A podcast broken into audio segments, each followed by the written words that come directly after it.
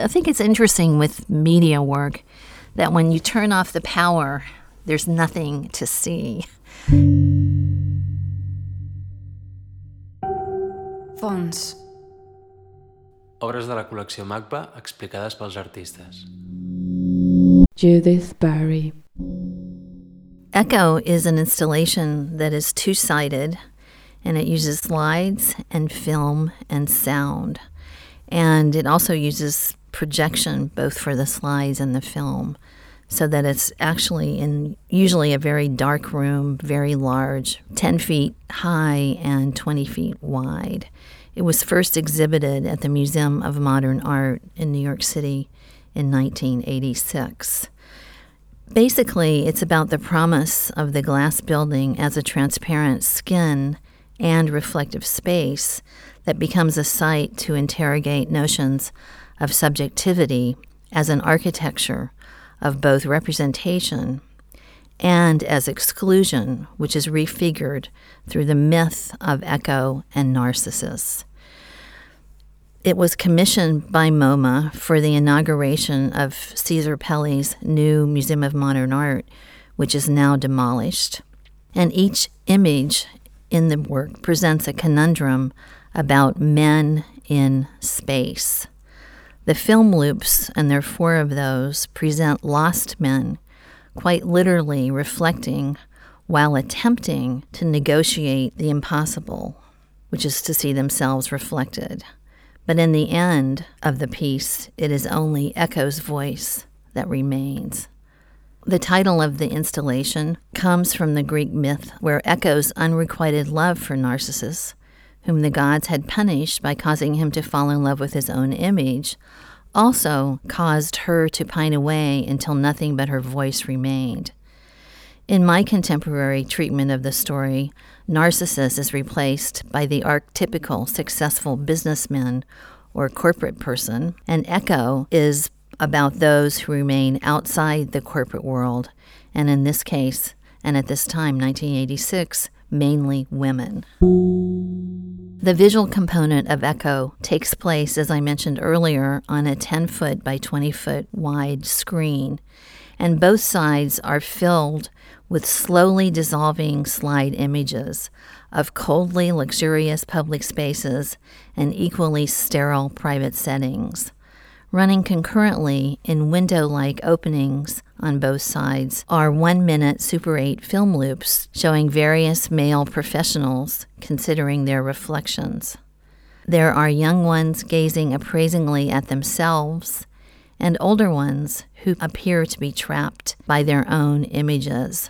These window sized film projections serve as a foil to the cinematically scaled slides that frame them and provide a cryptic narrative subtext.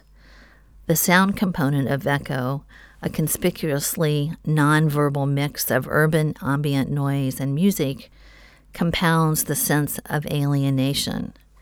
It is Echo's voice that you hear on the soundtrack, and she is seen only once as she runs by a picture window in one of the film loops. So, Echo is one of the first large scale installations I produced in which I did not perform. I came out of performance and slightly later began working with single channel video. But as a performer and as part of the performance, I also produced installations, and this is as early as 1977, that stayed on view after the performance in the space where the performance happened. And we called those performance installations in those days. This form of installation requires that you construct the meaning as you move through the space performatively and by definition. So, in many ways, I was able to use performance to activate the space and combine it with my architecture background. And I found that I could utilize my training also in architecture and film theory by combining them into what I've called inhabitable subject positions, where the viewer, through observation and interaction, can decode the meanings, and usually meanings are multiple, of my works. In these installations, I try to set a variety of places for the viewer to inhabit so that over time and as you walk through the work or go back to it, you start to parse the meaning. This form of installation is open ended and undefined, and hence is ideal for this kind of work, for work that's layered and multi-textual and multivalent. Even as an emerging artist, I had decided that my practice as an artist would be predominantly research based. Hence, in most of my work, I don't have a signature style, meaning that both the form and the content are different for each project. Echo is rather unique in that I did utilize the same form for Echo as for In the Shadow of the City, as I thought the configuration was perfect for this subject matter. And I was also curious to see what would happen if I used the same format for both projects. I think for many artists, writers, philosophers, and activists, even, myth is a very useful device for conceptualizing how, historically, people have considered over time certain relationships. Hence, it's not at all unusual for artists to make use of myths in their work, nor is it unusual for philosophers or writers and so forth to make use of these myths because it lets you add that content of the myth directly into whatever you're working on because the viewer will come already knowing at least that story. And then that story can be another lens from which to present your story. I've never used another myth in the story other than the case of Echo and Narcissus. And it seemed that this myth was a very good way to allow the viewer more access to the stories surrounding corporate architecture than I could produce in a piece that I meant to be seen, hopefully within just a few minutes. In other words, I wasn't making an epic. I was trying to make something where the viewing time could be not very long if you wanted it not to be very long. So that was another reason why I chose the myth of Echo and Narcissus. It just seemed to really fit well with the with the topic of corporate architecture and its reflections. Architecture can and does produce believable, inhabitable spaces, just as the language of cinema does, which has a very long history. We take this for granted for the most part, but still, we know how to read that language, and I've made use of that a lot in many of my installations. The ability of a user viewer in my installation to understand automatically and unconsciously that language of the cinema, which is more or less ingrained now. So, what I do in many of my installations is try to make the spatial relations visible in relationship to how you read an artwork. I try to do this by combining my analysis of how the language of cinema allows for the viewer to produce his or her own version of believable inhabitable space as you watch or engage with the installation. And then I apply that to the 3D inhabitable world of the gallery installation. And I've done, tried to do that in many different ways. In fact, this kind of work has a very long history within architecture, especially, for instance, the work of Palladio and continues up through the practices of many contemporary architects, which include Aldo Rossi and Tadao Ando in particular, and they're both very good examples. Or even some of the stagecraft that was done in the 16th century, such as Teatro del Monde, which is in, in Vicenza outside of Venice, which was started by Palladio and finished by Sergio. And this is the famous stage where the city is a stage and all the streets lead into the proscenium. And all of it is built in forced perspective, which is something that many artists, including me, have made use of.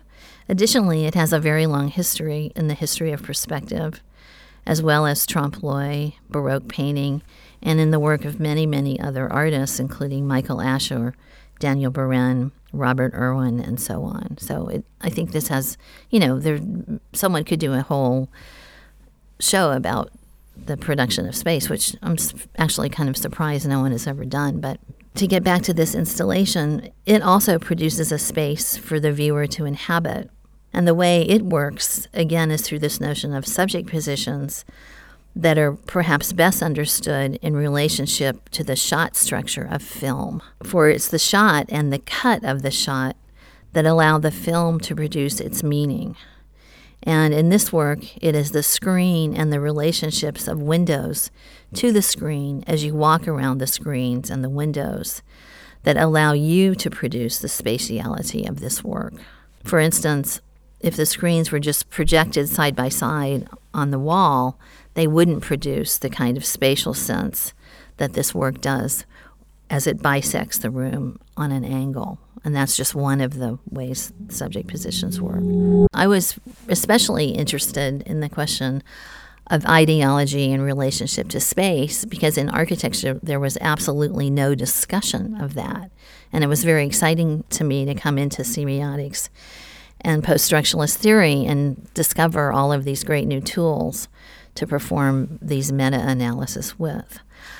Ideology as a concept came at this moment in the US anyway through the legacy of both the events of 1968 as they were read in the US at universities like UC Berkeley, where I was, as well as through an attempt by many of us at the time to combine these meta analyses or critiques with the tools of semiotics as well as with psychoanalysis and various political critiques of that time or of the time prior, which included Gramsci, Althusser, and so on.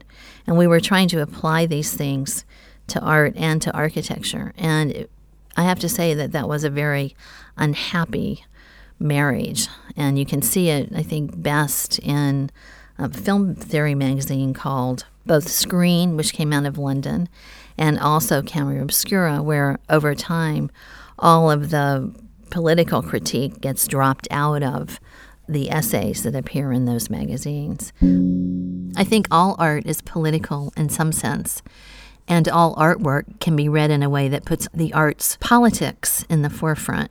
Furthermore, I think many works have the potential to be deeply political, even if their overt or manifest content is not explicitly political.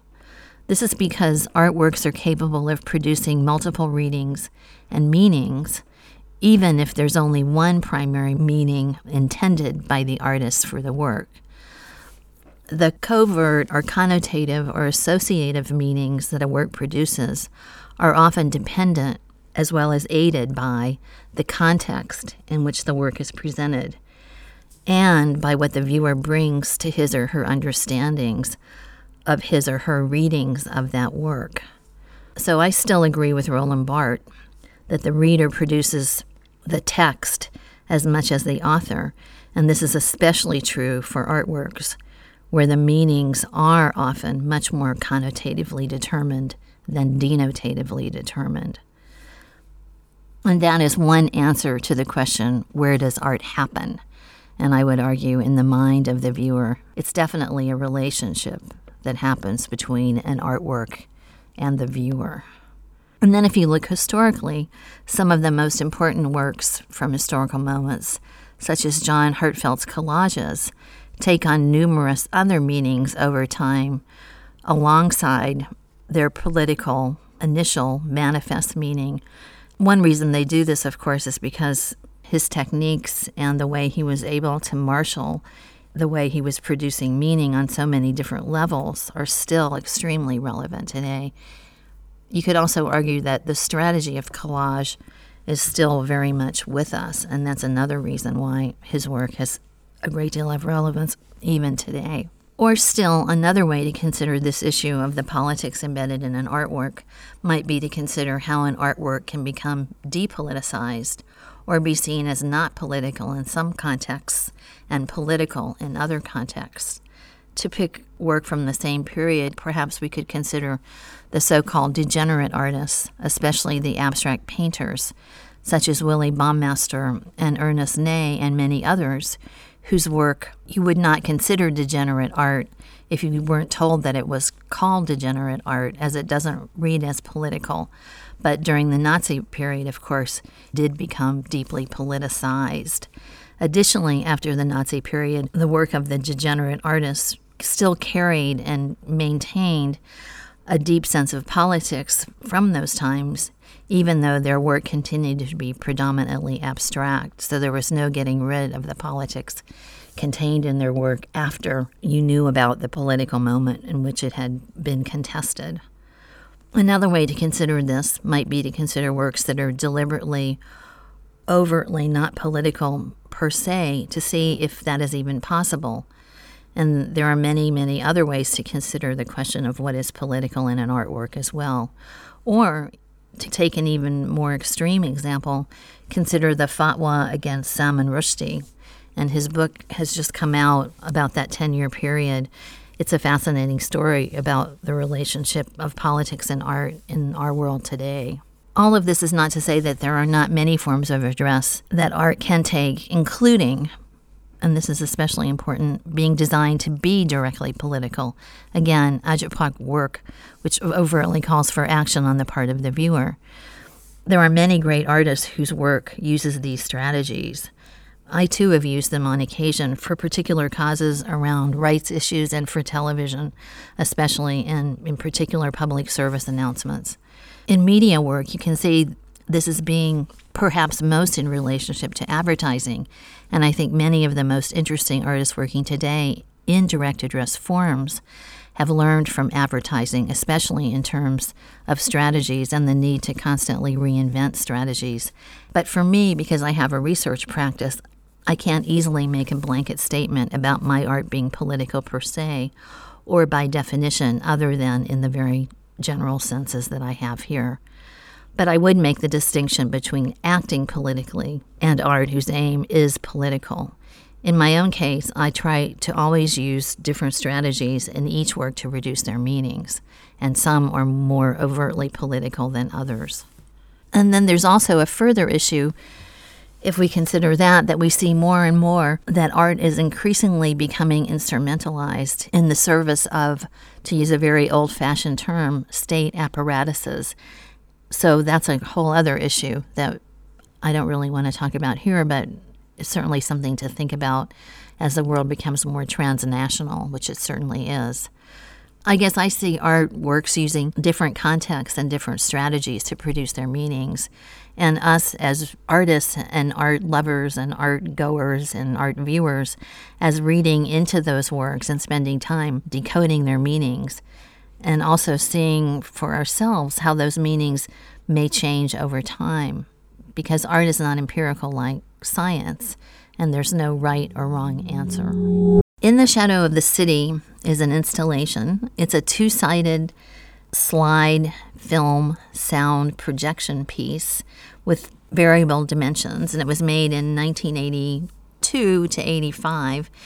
And it was first presented at Artists Space in New York City in 1985.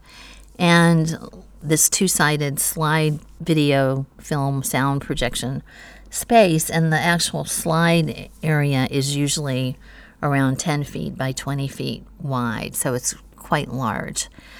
The title is my explanation for our insatiable hunger for images, as well as a critique of the pessimistic stance of postmodern philosophers, in particular Jean Baudrillard, who saw our increasingly media defined world as leading to a form of schizophrenia. Instead of the schizophrenic, I propose the vampire as a more compelling and humorous metaphor for our insatiable hunger for images. You circle the screens, finding and losing yourself in the fragmented narratives that reoccur over these endlessly dissolving slides. And for me, it represented at the time a filmic form of scatter sculpture.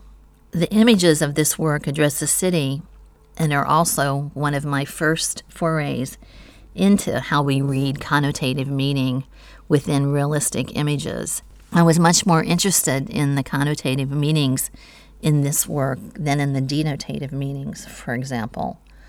The narrative fragments in these film loops do not provide the comfort of narrative closure, such as within a conventional film with its beginning, middle, denouement, and final end. And that's really how In the Shadow of the City is designed to work. Hmm, the vampire. dot, dot, dot. when I produced this work, it was at the height of the Jean Baudrillard frenzy. This is the Baudrillard of simulations, where there's no real out there, all is simulation.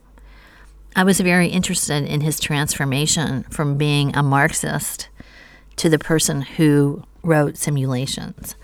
Hence, when I read his work closely, I discovered that rather than simulations being a celebration that so many were claiming was at the heart of this period of his work, instead, this notion of no real out there and simulation was actually a deeply pessimistic point of view.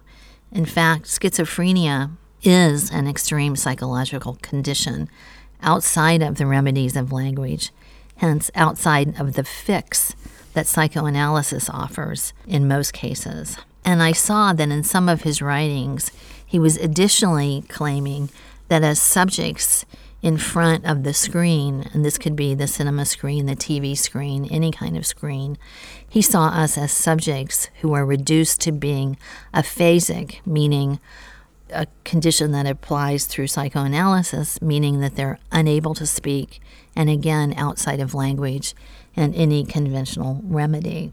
I began to look for other formulations of extreme conditions in literature that exhibit the category insatiable hunger. And that is when I began to see that there could be a relationship between the figure of the vampire and our current condition that perhaps better explained our desire for images than the schizophrenic or the aphasic in front of the screen. I see us as being much more omnipotent in our relationship to the image. And it's our insatiable desire for more and more images that is very much like the condition that the vampire is in, much more than it is our desire to be schizophrenic, even though many of us would like to inhabit the lives we see on the screen. At certain points, we always want to wake up and come back to our real world, or at least most of us do. When I was a student in the late 70s, I was in a PhD program at UC Berkeley which is one of the first places where film theory came into the US from France and England. And I spent a great deal of time as a consequence of this watching films as well as listening and analyzing films and their soundtracks to see how they produce their meanings. In many ways, the soundtrack of the film does the work of carrying the connotative meaning of a film, as it must do this for the most part without much narration by using sounds and often these sounds register unconsciously, but still they do produce meaning. In the Shadow and Echo as well, both have extremely cinematic soundtracks. In the Shadows soundtrack was designed to create a certain amount of anxiety on the part of the viewer and to really feed the anxiety that I'm trying to produce with the images as you walk around the double sided screen. I wanted the soundtrack to make you a little bit uneasy and, in a certain sense, propel you around the double sided screen. This soundtrack, which makes use of music, various sounds, fragments of various sounds, and collage sounds, as well as noise, was constructed on many different tracks because at the time I had access to a 16 track recording studio. So I brought in lots of sounds and even recorded some whispering vocals, and then made many mixes of this soundtrack over a number of late nights working in the studio. And I actually have to say, I did the mixing and all of the laying down of the tracks. So I didn't, I was just doing it myself in, in those days. I wasn't hiring anybody. Some of the most anxiety producing sounds I found were low rumbles that I recorded in the subway various alarm sounds, which I recorded on the streets of New York, as well as different airplane and helicopter rumbles, all of which I think produce a kind of anxiety. And the soundtrack is absolutely essential to the way this work produces its meaning.